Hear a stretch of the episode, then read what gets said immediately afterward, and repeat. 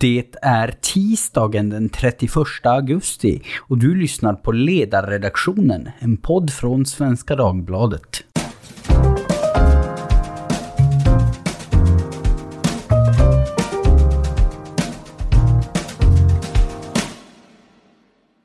Dagens podd skiljer sig lite från det vanliga formatet på så vis att den är tudelad. Först kommer en kort intervju på engelska med skribenten och säkerhetspolitiska experten Edward Lucas, återkommande gäst här på ledarsidan, nu i dagarna involverad i en dispyt med kinesiska ambassaden i Sverige på grund av sin senaste text hos oss. Sen kommer ett lite längre samtal med tre svensktalande gäster. Men först ut nu Edward Lucas. Hi, Edward. Thank you for joining us for today's podcast. Tack så mycket. Nice to talk to you. Likewise, you have written extensively for Svenska Dagbladet and other publications as well on the subject of what you refer to as uh, Chinese bullying, meaning the efforts of the Chinese Communist Party to wield political influence and silence voices of dissent and criticism all over the world. Why, in your view, is it important for individuals and organizations to stand up against the bullying of the Chinese Communist Party? What risks happening if we do not? The big risk is that it becomes normalized. Um, I've coined the term hegemonic dis- discourse control for this, and I think that the Chinese Communist Party uh, regards it as completely natural that they can control the way um, issues are discussed and indeed the way issues are framed inside China, but also outside China. They feel it's an affront to have uh, universities asking questions about Chinese history or students inviting Tibetan or Taiwanese representatives on campus. They dislike the idea of free media. They dislike the idea of free discussion generally. It's all there in document number nine, which was leaked a few years ago. But the whole, what we regard as the completely normal operation of our political system, um, they regard as, as a threat and they do try and control it. And they've got a long way already in, in controlling it. I always cite the example of Hollywood, where basically Hollywood doesn't make films anymore that have um, themes or even characters or even um, images um, that the Chinese Communist Party doesn't find acceptable.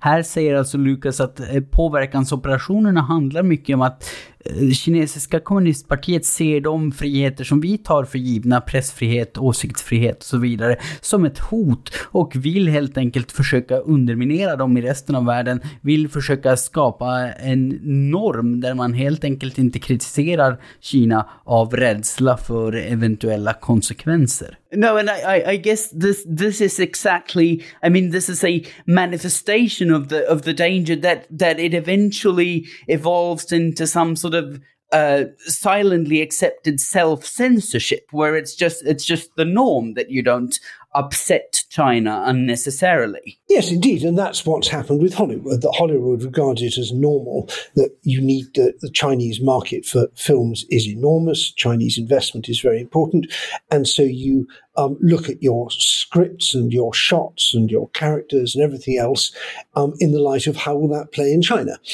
And the, for them, that's a commercial decision. But for me, it's a political phenomenon, and I don't like it. No, no, uh, ne- neither do I. But uh, if if we do need to to counter the eff- uh, efforts of the Chinese Communist Party to to preserve the integrity of our uh, political freedoms, uh, freedom of expression, and uh, so on, Uh, what is the best way of doing that then? Will it be a matter of a thousand small acts or of broader international cooperation or or a bit of both? I think the first thing to do is just to call it out and say, hey, this is happening. And that sometimes is enough. We saw with Cambridge University when they removed a whole load of content from their um, electronic uh, database of articles that the Chinese Communist Party didn't like, and there was an international outcry, and they reversed course. And sometimes it's just enough to say, hey, this is bad, and people all immediately revert to a kind of more Western norm of, of open um, discussion and, and inquiry. Um, sometimes you need to, I think, ridicule the Chinese Communist Party representatives, and that's why in my weekly newsletter on Chinese influence operations, I have the Wolf Warrior Award for counterproductive diplomacy. And I take the most bilious, splenetic, ridiculous, over the top Chinese reaction um, that I can find um, in the course of the week, and I, I make fun of it.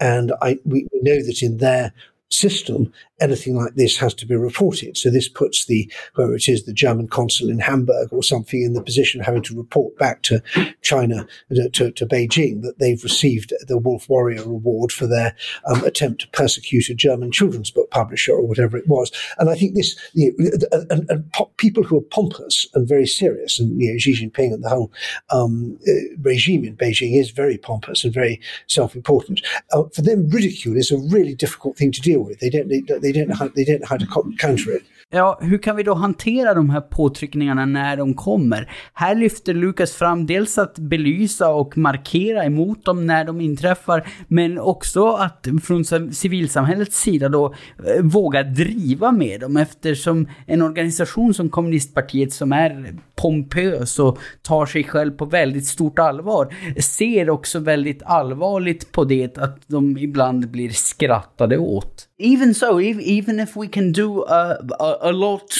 by by doing relatively little, so to speak, by by ridiculing them and calling them out, still uh, organizations su- such as the example of Hollywood that you mentioned uh, may perhaps refrain from doing that because because they are they are afraid of the fallout. They are afraid of losing business opportunities and and whatnot. So if and when we do stand up against the Chinese Communist Party, how do we best deal with the potential fallout?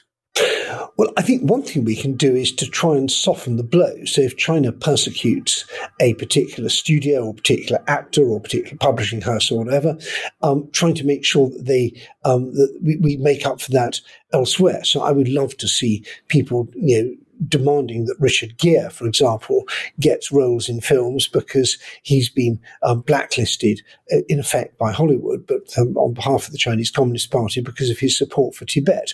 So maybe European studios could make could go out of their way to offer him um, roles, and if enough people do this, then these um, blacklisting and sanctions that the Chinese Communist Party tries to impose through its Western accomplices um, become, uh, if not irrelevant, certainly a lot less effective. Vad gör vi då när kommunistpartiet slår ner på sina kritiker? Eh, när de svartlistar personer och organisationer på sätt som drabbar dem ekonomiskt och kanske även socialt. Ja, här lyfter Lukas fram att vi faktiskt kan stötta dem på ett sätt som då dämpar effekten av kommunistpartiets eh, sanktioner och eh, även om vi kanske inte lyckas göra dem helt irrelevanta så kan vi eh, definitivt minska effekten de har. China is a major and growing world power. Uh, and eh, is it possible for countries and businesses in the in the West to maintain some sort of working relationship with China and or Chinese organizations in, in areas where there is mutual benefit, trade and commerce, etc., while at the same time not giving in to the scare tactics of the Chinese Communist Party. I think that Radek Sikorski put it quite well in the most recent Economist, where he said there's going to be a mixture of cooperation, competition, and confrontation. So, on things like artificial intelligence and so on, the thing to do is to compete and make sure that we have that they don't get a technological edge over us. So, there's a lot of straightforward competition. There is cooperation as well, and there's no. Yeah, I'm, I'm entirely in favour of trade with China so long as it's on our terms and not on their terms. I don't want them dictating um, how our companies operate and saying these are the um, if, if they if they lay down conditions that we don't like, we can always walk away, but we shouldn't um, kowtow to those conditions.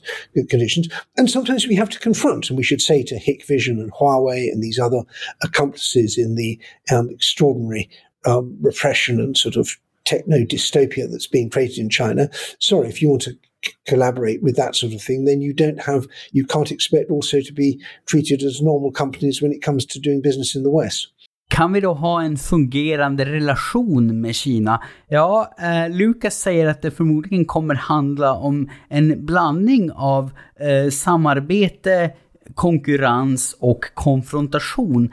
Där vi samarbetar med Kina utan att låta dem diktera villkoren, utan att låta dem liksom i allt för hög grad påverka företag i väst. Eh, där vi tävlar med Kina så att de inte får ett orimligt stort försprång på olika teknikområden så att vi blir i överkant beroende av dem. Och konfrontation där vi faktiskt sätter ner foten och säger ifrån mot Kina när de agerar på orimliga sätt. Om företag eh, agerar i eh, kinesiska statens tjänst för att bidra till ett totalitärt samhällsbygge, ja då kan också eh, europeiska och västerländska stater säga att nej, då kan inte verka här på samma villkor som andra företag. and and you, you you talk about the fact that we have to we have to um, compete we have to stay on top of our game for instance in the field of of artificial intelligence but i mean suppose that we that that they uh, at least in some areas of this uh, competition they come out the winners, and they say, for instance, that they are they are quicker to uh, put into place the regulation for testing and whatnot for artificial intelligence, so so that they gain an advantage that it's it's difficult for us to catch up with, and then so their technology becomes very attractive, and it becomes difficult for for companies and and individuals even to to resist the offerings from China. How do we handle that? Do we just need to talk more about it and to to inform people of the pitfalls, or do we need to actually take political measures against it somehow? I think both, really. And I mean, it, it's, it's not unusual for our adversaries to have technological leads. After all, Russia, the Soviet Union put the Sputnik satellite um, into orbit in the um, mid, mid, mid late 1950s with a, with a tr- tremendous jolt to the self confidence of the um, of, of, the West and of the Americans. And competition is a stimulus, and maybe that they've got some um, edges over us in some things, and we'll you know we've got edges in the others, and we must compete. And if we're behind, we must put more money and more effort into it. And remember that there are things that we're good at too. But I think that, yeah, that, that there comes a time when you have to say to companies, "I'm sorry, you may make more money." Doing it the Chinese way, but in the end, you are part of the um, legal and moral, cultural, political system of the West. That's what's given birth to you and allows you to um, spend the money that you make, and you can't um, simply put profit ahead of everything else. And that may mean that you can't get the latest technology because it's Chinese and you'll have to um, accept a, a, a, slightly more difficult business environment as a result. And we have to be very clear that in the end, if it's a choice between prosperity and freedom, freedom's more important than prosperity. And on that note, we will wrap up this brief interview and continue the conversation with our Swedish panelists. Again, thank you very much for coming on the podcast today and for helping both readers and now listeners gain a better understanding of the diplomatic and political efforts of the Chinese Communist Party. Well, thank you, and thank you all the Swedish China watchers um, who have done such a lot to illuminate the um, shape of the threat for the outside world and for being such an inter- having such an interesting and obnoxious um, Chinese embassy that provides us with so very much to write about.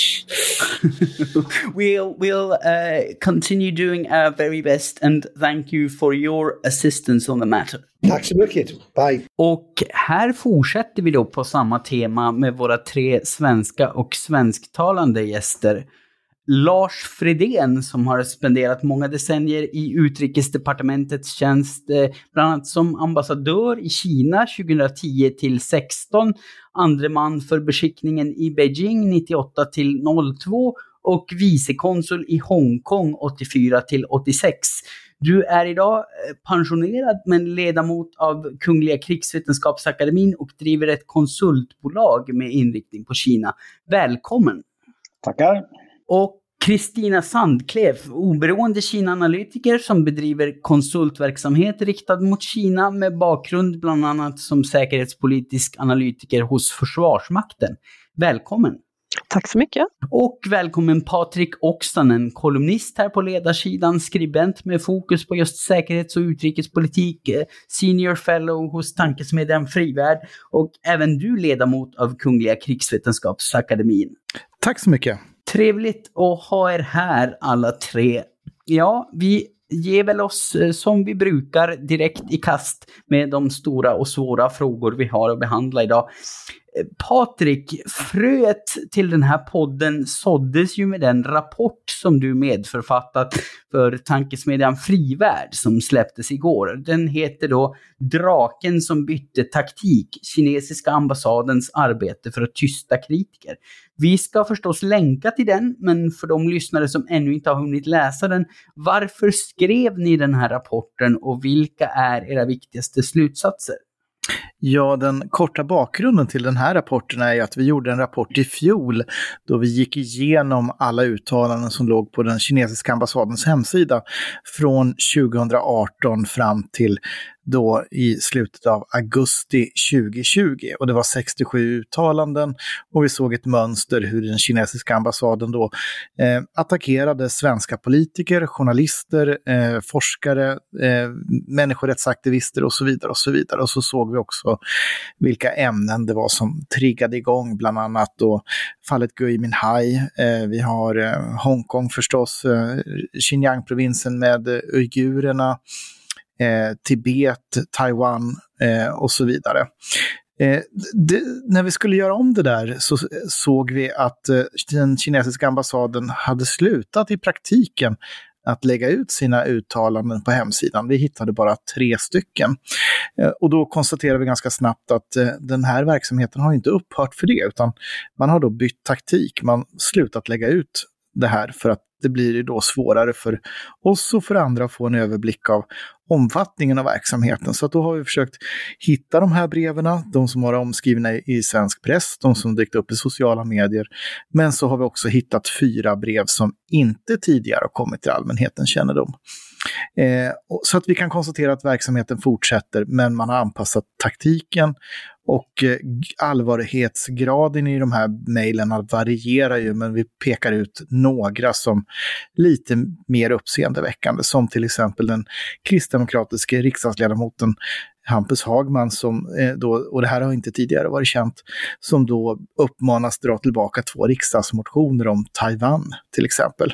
Och sen har ju fallet med Jojje Olsson som hotas, journalisten, uppmärksammades ju väldigt mycket i våras. Det är ett av de mer allvarliga fallen som vi nämner.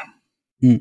Så man går alltså in för att påverka såväl uttryck i medierna som politiska förslag. Men varför gör de på detta viset och Varför ser den kinesiska påverkansstrategin ut som den gör och vad hoppas de uppnå med sitt agerande? Lars, vad säger du om det? Jag ansluter mig till det som Patrik med flera skriver i rapporten. Det är ett, eh, och som Ed Lucas eh, sa i intervjun med dig, att det, man vill eh, forma diskursen, som det väl heter, om Kina i hela världen.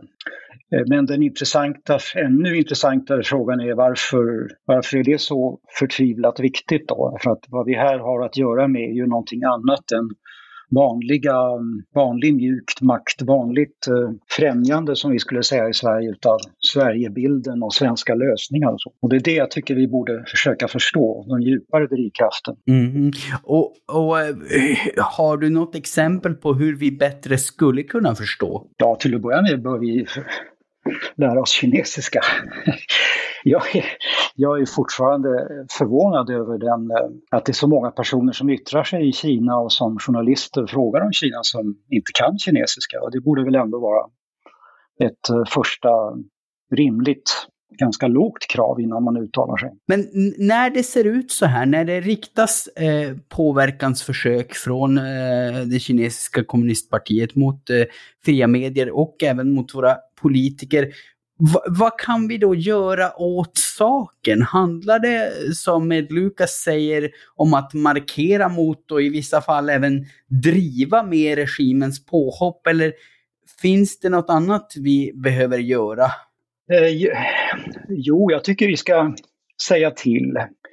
Eh, men eh, eh det är väl, vi kanske också kan göra som eh, med vädret och säckpiporna, bara ignorera liksom. Och gå vidare och inte ta det så förskräckligt allvarligt.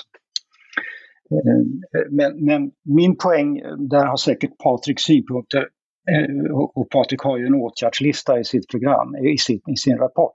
Men, men på det djupare planet alltså är förförståelsen när det gäller Kina i Sverige mycket, mycket låg. Och det är därför folk blir så förvånade när sådana här saker händer. Jag håller verkligen med eh, Lars om detta. Mm, vi, ska, vi, ska gå in, vi ska gå in eh, lite på det där senare, hur det ser ut med eh, kollen på Kina i Sverige helt enkelt och, och, vad vi kan göra för att förbättra den. Men, men apropå det här med att göra något åt saken, när vi pratade inför podden, du och jag Kristina, så eh, pratade du om balansen mellan bojkott och avståndstagande å ena sidan och att å andra sidan kanske ibland bita sig i tungan för att kunna ha fortsatt tillgång till Kina. Kan du brodera ut lite kring det? Ja, alltså jag har ju själv eh, likt Lars då lärt mig kinesiska och, eh, och jag började läsa kinesiska redan 1990. Det var ett år efter eh, 4 juni 89 då. Och eh, det var ganska kontroversiellt att göra det. Men det var också så att Kina var ett väldigt annorlunda land mot hur Kina är idag. Mm. Eh, och eh, en sak som vi hade ja, i, i, andra året som jag läste så fick vi då böcker som var tillverkade, som var skrivna i Folkrepubliken. Och det var ju, de hade ju ett politiskt budskap. Vi fick läsa om hur ordföranden i Eh, folkkommunen var överlycklig över att det var enbarnspolitik och han hade vunnit högsta vinsten och fått en dotter. Samtidigt som vi då läste i annan media eh, om hur eh, flickebarn aborterades bort och så vidare. Så det var ju lite diskrepans och där kände väl jag mycket att eh, när man tittar på Kina att det är väldigt viktigt att ha en djup kunskap om Kina för att dels kunna verka i Kina för det är ju också så att ifall man är alltför kritisk då blir man ju utestängd från Kina och det kan man ju ta. Det är klart att det kan vara värt det. Men samtidigt så innebär ju det också att då kan du inte ha någon diskussion med kineserna och det kan faktiskt vara ganska bra att ha. Eh, vi har ju exempel på eh, hur man till exempel eh, från svensk sida arbetar via Raoul Wallenberg-institutet och på andra sätt eh, har arbetat med mm, mänskliga rättigheter, att öka förståelsen kring hur vi i väst ser på mänskliga rättigheter och hur kinesiska rättssystemet skulle kunna tillämpa en del av de här sakerna. Och det har ju till exempel lett till, eh, och det är ju inte bara Sveriges eh, liksom, eh, som ska ta åt sig äran av detta, men där man till exempel idag inte blir avrättad direkt efter domslut utan det måste först upp till Högsta domstolen innan man får lov att gå vidare i en sån allvarlig, ett sånt allvarligt straff. Och, och, så var det ju inte när jag började läsa kinesiska 1990. Då var det ju offentliga avrättningar och så vidare och det har man inte längre idag. Så att det, det, det, finns ett värde att kunna diskutera saker med kineser, med vanliga kineser, med partiföreträdare och myndighetsföreträdare, tycker jag. Mm, mm. Eh, jag förstår. Och Patrik, du som ju har eh, presenterat eh, en, vad ska man säga, en, en åtgärdslista som Lars sa i den här rapporten. Hur ser du på den här balansen mellan att markera mot Kina och, och fortfarande liksom ha ett öppet utbyte med landet? Hur, hur hanterar man det på ett rimligt sätt? Ja, jag är ju the odd one out here. Jag som inte ens pratar, pratar engelska, höll jag på att säga. eftersom jag inte pratar kinesiska i, i det här sammanhanget. Men det jag har koncentrerat mig på är ju olika typer av påverkansfrågor. Och det vi ser när det gäller Kina, och det vi ska komma ihåg, det är ju inte bara då att ambassaden ägnar sig åt, åt stingsliga brev, utan man måste se helheten i, i paletten och i, i åtgärderna som, som görs. Och, och tittar vi oss runt omkring i världen så, så ser vi att det är en ganska bla avancerad blandning av till exempel cyberangrepp, eh, ekonomiska hot, press på företag, press på individer, eh, hot mot individer, kidnappning av individer som i fall av eh, den svenska medborgaren Gui Minhai till exempel. Eh, och det här måste förstås i en större helhet. Eh, vad är det Kina håller på med och gör? Eh, och att vi också måste förstå att det inte är vi som avgör konfliktnivån eh, i det här nödvändigtvis. Att våran förmåga att kunna så att säga trappa upp eller trappa ner, alltså det blir väldigt mycket beroende på, på hur Kina väljer att reagera och agera. Och där har det ju skett en negativ utveckling under Xi Jinping eh, med en, en starkare så att säga, konfliktorientering mot väst och västerländska värderingar. Eh, och att det, det är ju att Kina vill definiera de här relationerna och ha tolkningsföreträde. Eh, och det innebär då en begränsad ytterst då en begränsad suveränitet för, för oss. Eh, det här märker Australien av. Norge fick ju märka av det i samband med att man gav Nobelpriset till, till en person som inte var godkänd av det kinesiska kommunistpartiet till exempel.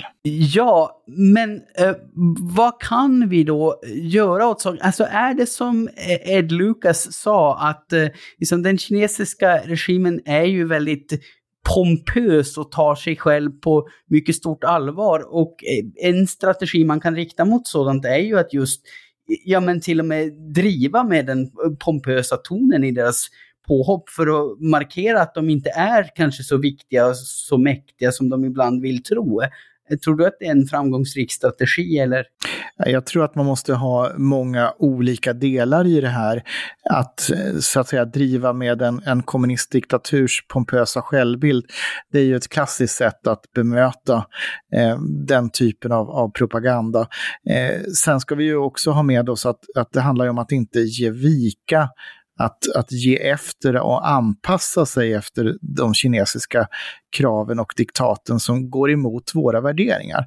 Eh, vi vill ju ha ett, ett, eh, så att säga, ett, ett normalt umgänge mellan stater och kunna ha en normal handel utan att eh, eh, det blir liksom asymmetriska eh, saker. Och tar vi till exempel Australien så har ju Australien straffats otroligt hårt av Kina för att Australien vågade vädra uppfattningen, den rimliga uppfattningen att utbrottet av eh, covid-19 eh, i Wuhan behöver utredas internationellt och oberoende. Därför att det är mycket som tyder på att det kinesiska kommunistpartiet har medvetet undanhållit information och att den tidslinje som är den officiella inte är den, den korrekta när det gäller smittan.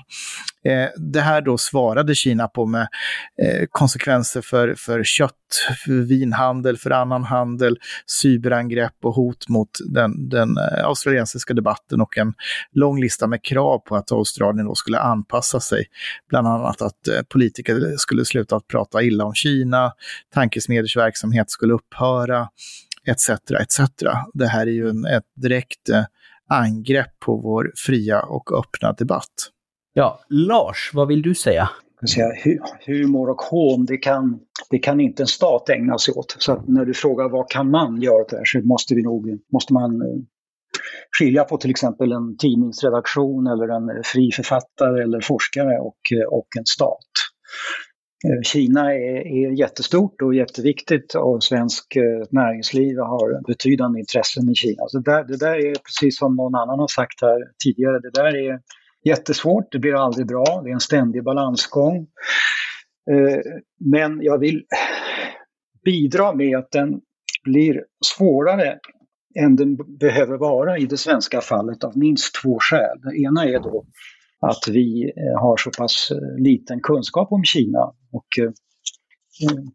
faktum är att eh, jag själv var den första ambassadören som vi någonsin har haft där som dels hade bott i Kina, dels hade arbetat i Kina tidigare, dels hade studerat kinesiska. Och det är ju ganska fantastiskt att det dröjde så länge.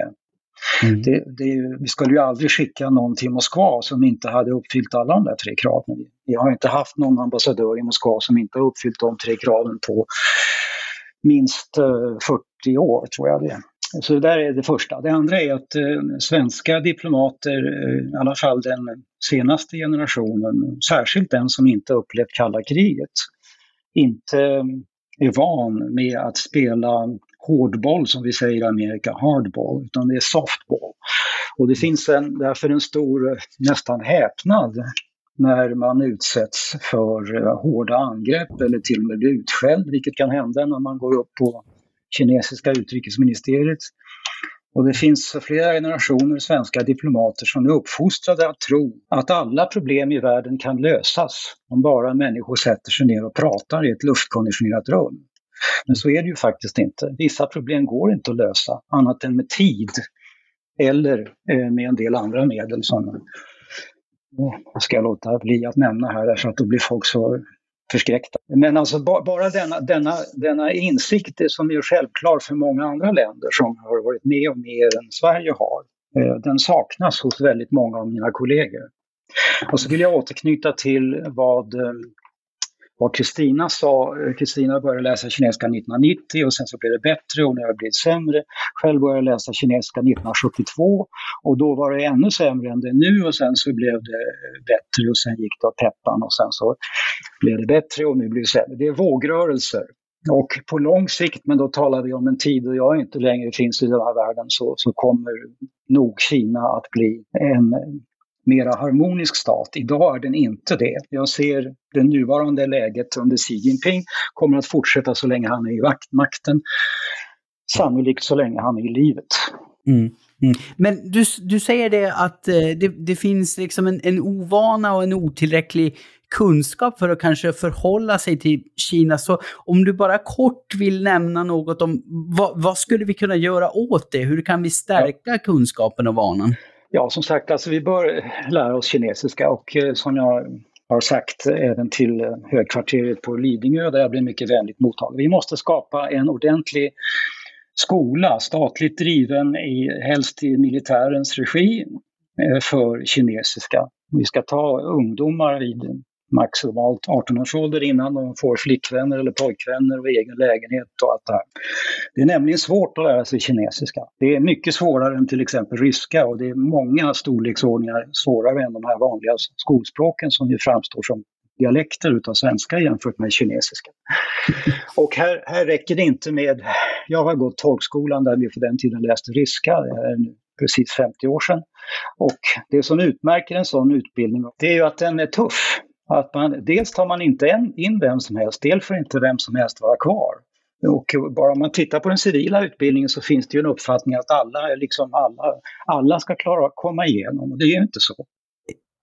Även du, Kristina, uttryckte ju när vi pratade inför den här podden att du, du tycker att bilden av Kina i Sverige ofta är onyanserad hur kan vi då nyansera den och varför är det en viktig sak att göra? Jag tror att det är, viktigt att ha en mer nyanserad bild av Kina därför att eh, ifall vi ska kunna föra diskussioner som för oss framåt eh, så behöver vi, eh, vi behöver dels förstå saker, hur Kina fungerar, hur kineser tänker, hur partiet agerar, och eh, vilket stöd det har i befolkningen. För att eh, även ifall partiet har 90 miljoner medlemmar idag så är det ju fortfarande över en miljard människor som inte är partimedlemmar och även ifall de har ett eh, hyfsat starkt stöd så finns det ju faktiskt folk i, mm, inne i Folkrepubliken Kina som inte är eh, jättehårda anhängare av partiet. Eh, och jag tror att det är väldigt viktigt att, eh, vi, eh, att vi ser till att få en kritisk massa också om så att vi kan diskutera Kina-frågor på ett bättre sätt där vi inte bara står och slår varandra i skallen hela tiden. Men visst, det är som Lars säger att det är också viktigt att kunna köra hardball och så. Men jag tror att det också är viktigt att liksom, ja, kunna se nyanserna. För att i nyanserna, det kanske är där man kan på något sätt nå fram. För jag tror precis som Lars att eh, jag, jag ser ju exakt samma sak, att eh, det politiska förtrycket eller vad man ska kalla den, politiken i Kina eh, går fram och tillbaka i böljande vågor. Ibland så går det upp och ibland så är man är mycket mer internationellt inriktad som när Kina gick med i Världshandelsorganisationen eh, 2001. Eh, idag så håller man på att vända sig mer inåt. Men eh, en sak som är säker är ju att Xi Jinping kommer inte att leva för evigt. Eh, jag kan inte säga någonting om ifall han kommer att eh, leva till 2049 eller bara till 2035, eller det vill jag inte ens spekulera i. Men eh, det kommer ju förr eller senare så kommer det att komma nya krafter till som kommer till makten i Kina och då kanske Kina blir annorlunda. För så var det ju faktiskt efter att Mao dog. Och, och då gäller det att vi är förberedda så att vi kan interagera med dem på ett fruktbärande sätt? ja, precis. Och då är det kanske en god idé att uh, odla de relationer som går att odla i ett hårt politiskt klimat. Som till exempel kulturdiplomati, som till exempel uh, sport uh, och så vidare som ofta ändå är hyfsat opolitiskt. Eh, och eh, inte förstöra de möjligheterna som eh, faktiskt finns. Vi har ju i Sverige har ju ett unikt museum, till exempel min gamla käpphäst, Östasiatiska museet, med unika samlingar som, där merparten är då gåvor från den kinesiska staten som tack för det vetenskapliga samarbetet Sverige hade med Kina för hundra år sedan. Och det är väldigt viktigt att värna att det, den kunskapen som finns kring det. Och även ifall man då kan tycka att eh, ja, men det är jätteflummigt med humaniora och så vidare, så är det ju ändå så att man eh, bygger kunskap kring saker som kanske till synes kan vara, eh, liksom se onödiga ut. Vi, har ju, vi är ju ett väldigt ingenjörsdrivet land om jag säger så. Eh, och eh, under 90-talskrisen så skar man ju ner på forskning inom humaniora väldigt eh, drastiskt.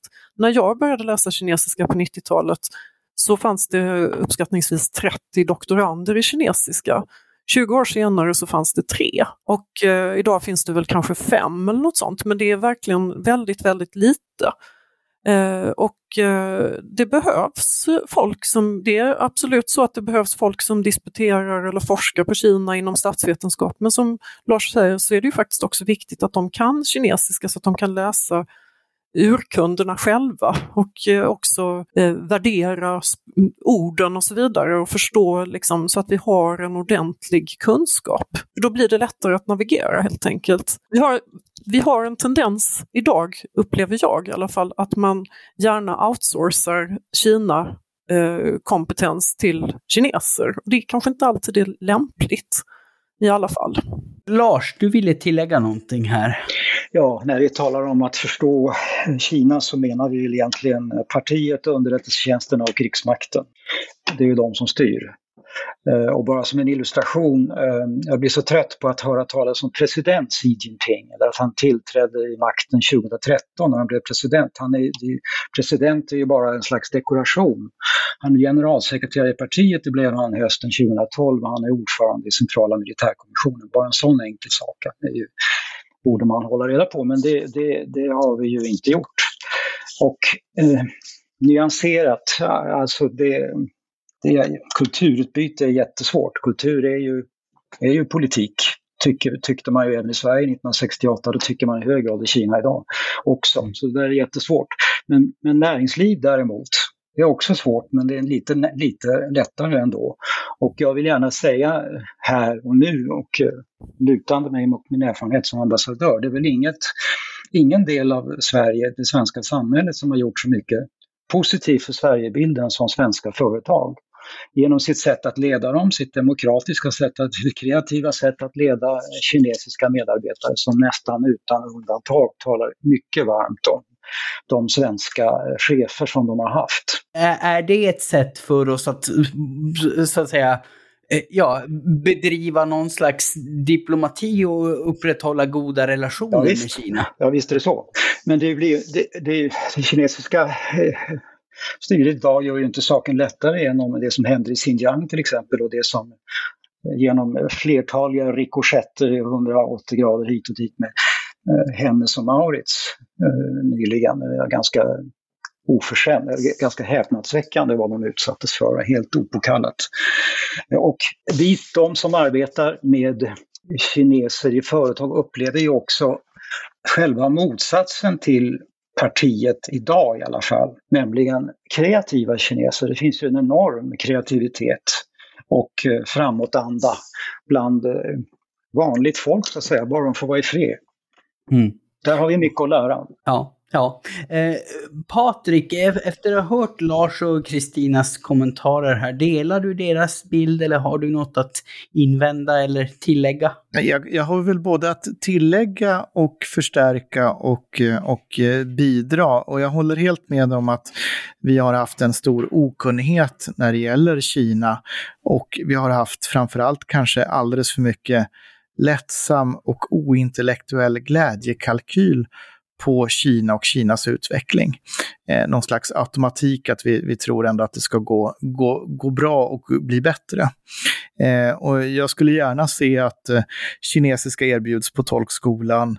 Eh, vi har ju nu fått ett Kina-center eh, som regeringen har tillsatt. Problemet med det är ju bara då att eh, Kina har placerat eh, dess chef, och det här ligger då under Utrikespolitiska institutet, dess chef på en sanktionslista. Eh, så att eh, det är ju en, en eh, när vi försöker bygga upp en kompetens och förstå Kina så, så, så försvåras det också. Ehm, men i det här så, så vill jag också understryka att det är ju när det gäller Kina så visst måste vi vara beredda att kunna engagera oss med Kina den dagen det sker en vindkantring. Precis samma sak gäller ju Ryssland också. Men det gäller ju för oss att ta oss dit utan att på vägen förlora oss själva och anpassa oss för mycket. Och det är väl det som så att säga den påverkansbiten står och handlar om. Ehm, ska vi anpassa oss till den här typen av, av vindar från kommunistpartiet i Kina? Ska vi tysta, tystna när det gäller Hongkong, Taiwan, uigurer etc. etc. Vi har en situation i Australien där det finns eh, forskare på, på, som sysslar med olika frågor som bedöms som känsliga, så att forskare vill inte uttala sig längre när det kommer till Kina. Därför att man vet att man får på sig eh, saker och ting som man inte vill ha på sig. Och då pratar vi om en demokrati och det är här jag blir bekymrad över den typen av påverkan. Och där måste vi själva bygga en större motståndskraft, medvetenhet.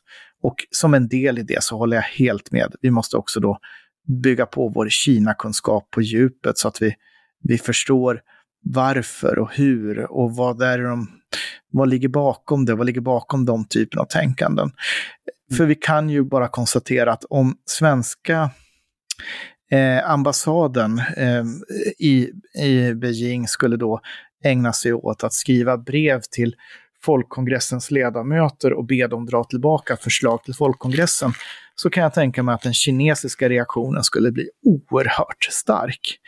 Ehm, eh, vi måste också ha med oss och titta på vad är det de gör och vad skulle de då acceptera att inte göra, eh, att vi skulle göra mot dem. Mm, mm. Eh, Lars, du får komma med ett kort tillägg här innan vi rundar av för dagen. Mm. Um, det är svårt att påverka Kina. Det är kanske på kort sikt eller till och med medellång sikt nästan omöjligt. Men vi kan inte engagera oss i Kina, vi kan inte finnas i Kina utan att eh, kunna Kina och att ha ett någon sorts försvar. På UD under mina år där så talade man jämt och ständigt om att man skulle främja Sverige. Vi hade också väldigt bra främjarinsatser. Vi hade, om det skulle likna oss vid ett fotbollslag, en väldigt bra anfallskedja men hade ingen målvakt. Och det, det, det, måste vi nu skaffa oss. Vi måste försvara oss mot, rent tekniskt alltså, mot cyberintrång och annat sådant. Och mm. till listan på länder som är utsatta just nu är ett av våra grannländer, Litauen. Skulle föra för långt att förklara hur det ligger till med det, men detta, detta gäller inte bara längre bort liggande länder. Nej, nej precis. Vi hade ju en kolumn av Ed Edward Lucas i det ämnet. Vi kan länka den även i poddartikeln. Ja, men det var bra. Det är bra. Och jag skrev också om Litauen och nämnde just den aspekten, fast då Litauen i ett bredare perspektiv dagarna innan. Så det får du också länka till, Jesper. Ja, vi har, vi har mycket fördjupande material, som sagt, för alla att ta del av. Eh, men med det sagt så får vi börja runda av för dagen och jag hoppas att ni, liksom jag, har fått en lite mer heltäckande bild av den här frågan. Det, det är ju en svår fråga, det är en svår balansgång mellan att engagera med Kina men, men också stå emot landets attacker. Men förhoppningsvis så ska vi väl kunna utveckla framgångsrika strategier för det. Eh, tack så mycket för att ni kunde vara med. Kristina Sandklev, Lars Fridén och Patrik Oksanen. Tack så mycket. Hej då! Tack också till alla som har lyssnat. Det är en ynnest att åter få höras i era öron och eventuella synpunkter och förslag ni sitter inne med vill vi som vanligt ha mejlade till ledarsidan svd.se. Producent det är som vanligt jag, Jesper Sandström, och jag hoppas att vi hörs igen om inte allt för länge. Hej då!